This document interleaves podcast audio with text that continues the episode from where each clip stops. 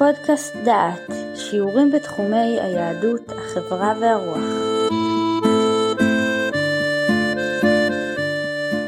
ברוכים הבאים לפודקאסט דעת לקורס הגיל השלישי.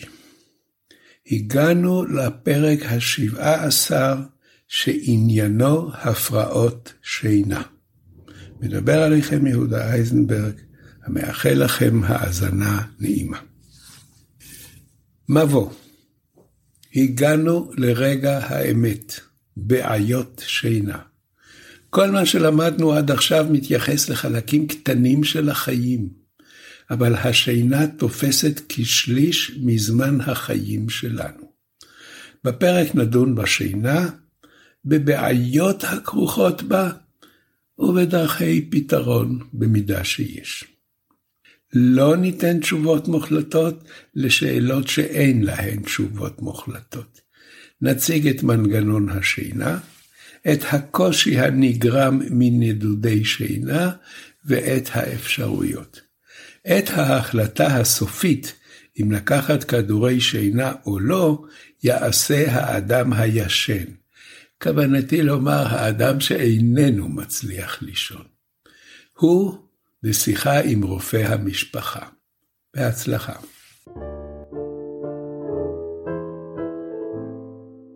כמחצית מהאוכלוסייה המבוגרת בישראל מדווחת על הפרעות שינה. כשליש נוטלים תרופות משרות שינה. נשים נוטות להתלונן יותר מגברים. מה קורה לאוכלוסייה המבוגרת? מדוע נגזר עליה לחיות הרבה ולישון מעט. האם באמת קיימת עלייה בבעיות השינה עם הגיל, או שמדובר בתלונות שווא ובשימוש בכדורי שינה ללא צורך? האם הגורמים לכך הם הרגלי שינה בלתי נכונים, כמו הימצאות במיטה יותר זמן מן הדרוש לשינה, או שקיימות בעיות רפואיות הפוגעות באיכות השינה? על כך נשמע בעזרת שני הסיפורים הבאים מתוך האוסף של פרופסור יעול. סיפור ראשון, האלמנה שלא ישנה. דוקטור, אני לא ישנה טוב בלילה. נראה לי שמאז שהגעתי לגיל 70, השינה שלי פחות טובה. אני מתעוררת מכל רעש קטן, כל פתיחת דלת או סגירתה, צפירת מכונית ברחוב, הכל מאיר אותי. תמיד הייתה לי שינה עמוקה, והייתי מתעוררת רק בבוקר, כשבתי יצאה לבלות, אפילו לא שמעתי מתי חזרה הביתה. בעלי לא הבין כיצד אני ישנה כל כך טוב, כשהקטנה מבלה בחוץ. עכשיו אני מתעוררת בשעות הבוקר המוקדמות. יקיצה עם התרנגולות, אני מכנה זאת. גם להירדם זה כבר לא פשוט כמו פעם. אני זוכרת איך הייתי מניחה את הראש על הכרית ולא מצליחה לקרוא שורה בספר או לראות תוכנית טלוויזיה יותר מדקה. עוד משהו, בזמן האחרון אני עייפה ונוטה לנמנם במשך היום. גם זה חדש לי. מעולם לא הרגשתי צורך לנוח בצהריים, אף פעם לא הבנתי את חברותיי שהיו נחות בין שתיים לארבע בשלף שטונדה ואי אפשר היה לטלפן עליהן. כיום אני מנממת בשעות הצהריים, לפעמים גם בשעות הבוקר. זה הגיל, לדעתך, שגורם לבעיות השינה שלי? שמעתי שככל שמתבגרים ישנים פחות, מאחר שהגוף זקוק לפחות שעות שינה. בכלל, הגיל הוא הגורם לכל הבעיות שלנו. אני זוכרת את עצמי צעירה שלא נחה לרגע, עומדת על הרגליים כל שעות היום בחנות בה עבדתי. אתה שואל, דוקטור, אם אני הולכת לשירותים בלילה? כיום כבר לא. אתה בוודאי זוכר שביקשת שאבלה בבוקר ולא בערב את הכדור המשתן. אתה המלצת על הכדורים המשתנים לאחר שהיו לי בצקות ומים ברגליים, ולא יכולתי לשכב ללא ארבע כריות מתחת לראש. הייתי מתעוררת בלילות כשאני סובלת מקוצר נשימה, דבר שהתבטא באי ספיקת הלב. שינית לי את התרופות והמצב כיום יציב. מאז אין לי מים ברגליים, הנשימה קלה ואני לא מתעוררת עם קשיי נשימה. אני מצליחה לישון עם כרית אחת בלבד. אחת ההמלצות שלך ששיפרו את מצבי הייתה להמעיט בשתייה בשעות הערב. אמרת לי להקפיד לא לשתות קפה, תה או קולה המכילים קפאין וגורמים להשתנה מרובה בלילה. פרט לבעיות הלב ולנטילת כדורים משתנים, אני בריאה ואינני נוטלת תרופות נוספות. אני גם לא סובלת מכאבים בעמוד השדרה, בגב, בפרקי הברכיים או בפרקי האגן. מה דעתך שאתחיל לקחת כדורי שינה? חברה טובה שלי רצתה לתת לי כדור בשם לוריון. אמרתי לה שאני לא מוכנה לקחת תרופות בלי הסכמתך. דבר נוסף, כשאני מתקרבת לסוף השנה הראשונה לפטירת בעלי, בעיות השינה מטרידה אותי יותר. אולם זאת הבדידות והפחד להיות לבד. ייתכן שמאז שפרצו לדירה של השכנים זה נכנס לי לראש. אתה יודע מה זה להתעורר בלילה ולמצוא גנב בבית? זה סיוט. אחת החברות הציעה לי בצחוק שאגדל כלב או חתול. כל השנים הייתי רגילה לחיות עם עוד אדם בבית. עכשיו אחיה עם חיית מחמד. מאז שבעלי נפטר שיניתי את הרגלי החיים שלי. הוא היה זה שדחף אותי להתעמל, היינו שוחים יום יום בבריכה, תמיד הגענו ברגל, הוא לא הסכים שניסע ברכב או באוטובוס. היום אני ממעטת לעשות פעילות גופנית. ועכשיו הסיפור השני, אריקה, ניתוח מצב. אריקה הייתה מהמטופלות הוותיקות במרפאה. הכרתי אותה כיוון שהייתי עד לאופן בו טיפלה בבעלה שלקה בסרטן. הקפדתי לבקרו כשהתאשפז לעתים קרובות בבתי חולים, והייתי שותף למספר החלטות הנוגעות לטיפול בו בסוף ימיו. במונולוג הארוך שנשאה בפניי, קיבלתי את מירב האינפורמציה הדרושה לי כדי לברר את הסיבות להפרעת השינה ממנה היא סובלת.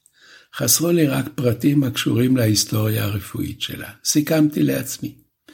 אריקה ישנה טוב כל החיים, אין בעיות נפשיות ידועות מעברה. מצבה הרפואי יציב, אין לה כאבים או אי נוחות במהלך השינה. אינה שותה אלכוהול או משקאות מעוררים או משתנים, ואינה לוקחת תרופות חדשות פרט לתרופות הוותיקות המוכרות לי. ייתכן שצריך לברר אם אינה לוקחת תרופות ללא מרשם. תרופות נגד שיעול או נזלת מכילות חומר מעורר בשם אפדרין. קיימות גם תרופות מתחום הרפואה המשלימה המכילות עשבים או צמחים. תרופות אלו הנחשבות טבעיות עלולות לעורר ולהפריע לשינה. החודש תמלה שנה לפטירת בעלה של אריקה. זו תקופה המועדת לחרדה, הבדידות, האבל, האובדן והחלל שהותיר. הכל מורגש במלוא העוצמה. הפריצה לדירת השכנים רק העצימה את הפחד להיות לבד בלילה. ייתכן שהיא בדיכאון, הרהרתי, אך מיד דחיתי מחשבה זו. לא נראה לי שהיא בדיכאון, זאת לא התנהגות דיכאונית. לבושה המטופח ותסרוקתה המוקפדת מעידים על כך.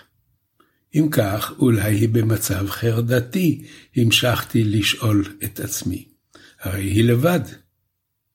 נכון, השבתי, ייתכן שהיא בחרדה, אך זו אינה סיבה מספקת לתת לה תרופות להרגעה או לשינה.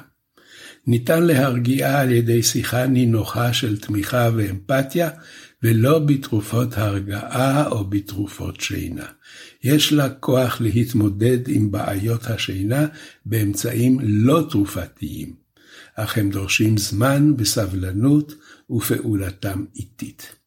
תרופות השינה לעומת זאת יעילות מאוד בטווח הקצר, אך גורמות לתופעות לוואי בטווח הארוך.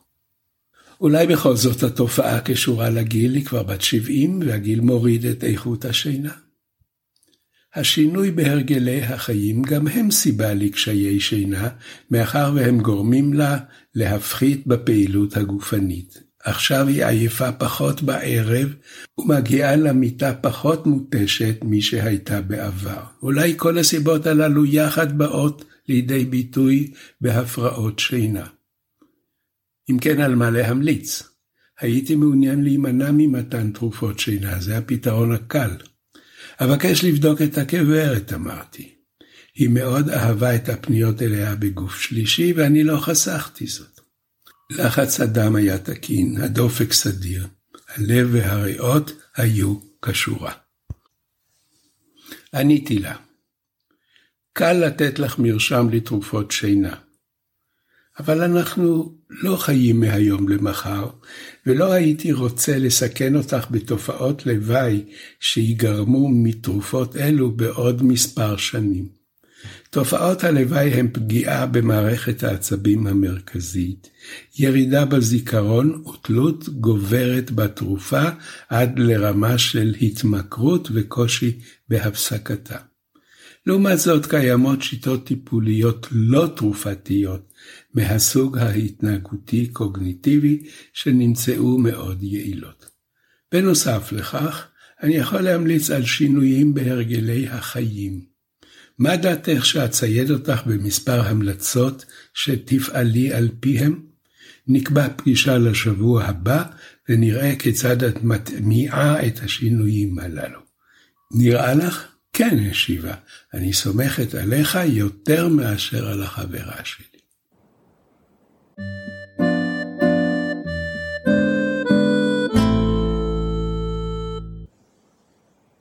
ועכשיו נקיים דיון בשני הסיפורים האלה.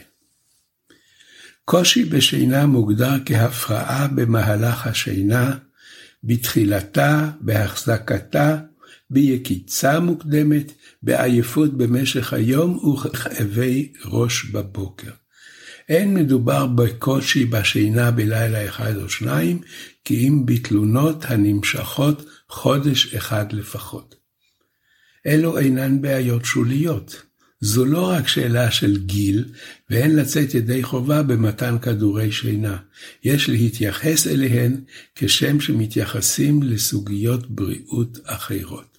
לגוף יש מחזור חיים פיזיולוגי של שינה ועירות, והוא פועל כמו שעון פנימי, שמרכז השינה שלו ממוקם באזור ההיפותלמוס שבמוח, המרכז מושפע מחשיפה לאור, מהפרשת הורמון המלטונין ומהרגלים חברתיים. השינה מאופיינת בפעילות חשמלית המתרחשת במוח.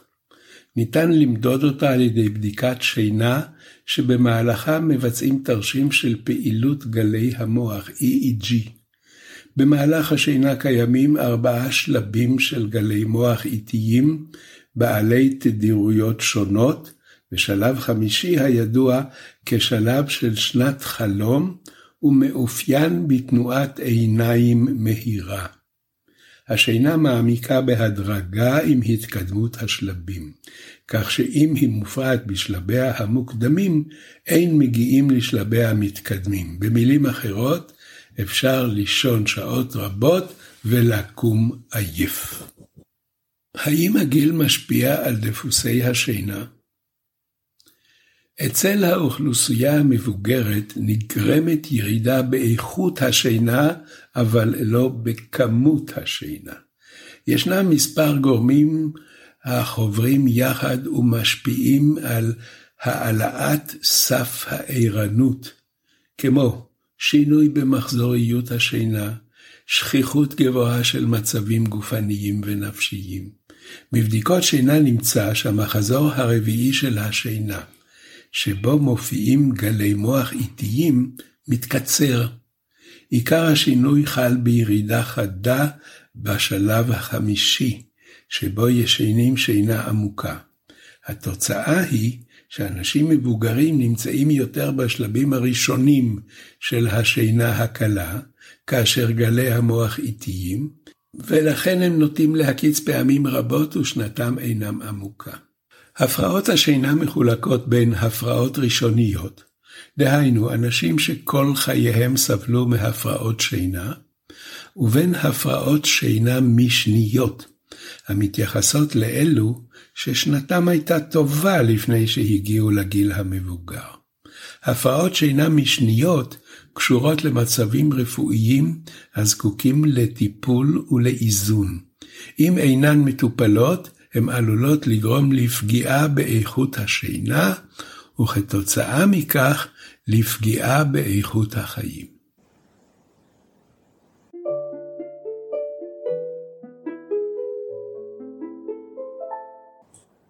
ועכשיו נבדוק מהם המצבים הרפואיים המשניים הגורמים לבעיות שינה. אנחנו עוסקים בבעיות שהתעוררו בגיל המבוגר.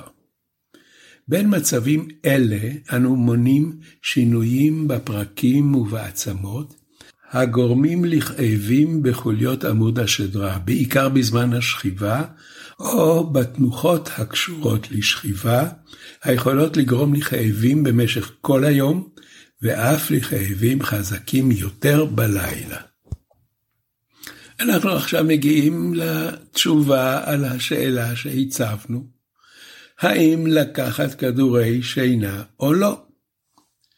והתשובה, אם אפשר להימנע, רצוי לא לקחת. אם יש סבל מלילות ללא שינה ועייפות ביום שלמחרת, סבל זה חמור יותר מאשר תופעות הלוואי של כדורי השינה, ובמקרה זה רצוי לקחת. בימים בהם האדרנלין בשמיים, הגוף מראה עוררות מוגברת, והשינה אינה מגיעה גם לאחר קריאת ספר, שתיית יין אדום יבש או ויסקי, ואז עדיף לקחת כדור שינה ולא לסבול. כאשר לוקחים כדורי שינה, אומר הפרופסור יעול, אני ממליץ לקחתם בימים או בתקופות שיש בהם ערעור מוגבר. לקחת לפי הצורך ואין סיבה לקחת יום-יום. מנקודת מבט של גריאטר, לקיחת כדור שינה יומיומית גורמת לתלות, לפגיעה באינטלקט ולנפילות. יש לשקול בכל עת סיכול מול תועלת. כאשר הסבל רב והשינה בוששת לבוא, יש לקחת כדור שינה. ההחלטה היא של האדם לפי הרגשתו.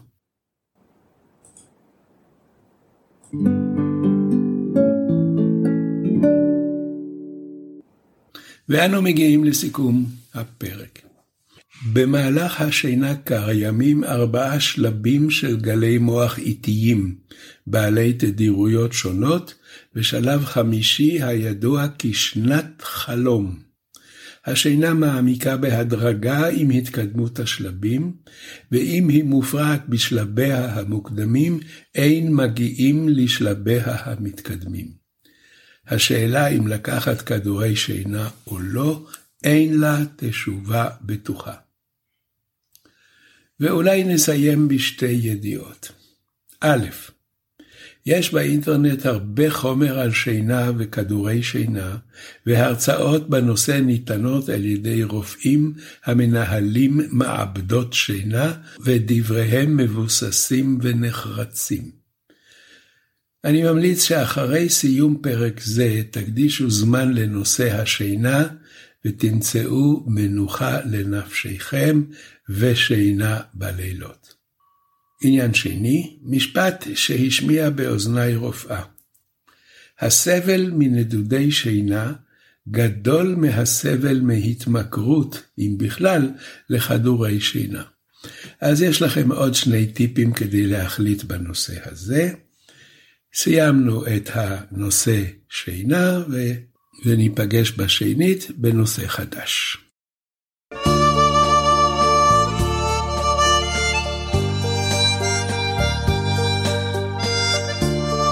שמעתם שיעור מתוך הקורס הגיל השלישי, מאת הפרופסורים אפרים יעול ויהודה אייזנברג. את הקורס המלא וקורסים רבים נוספים תוכלו לשמוע באתר דעת במדור פודקאסט.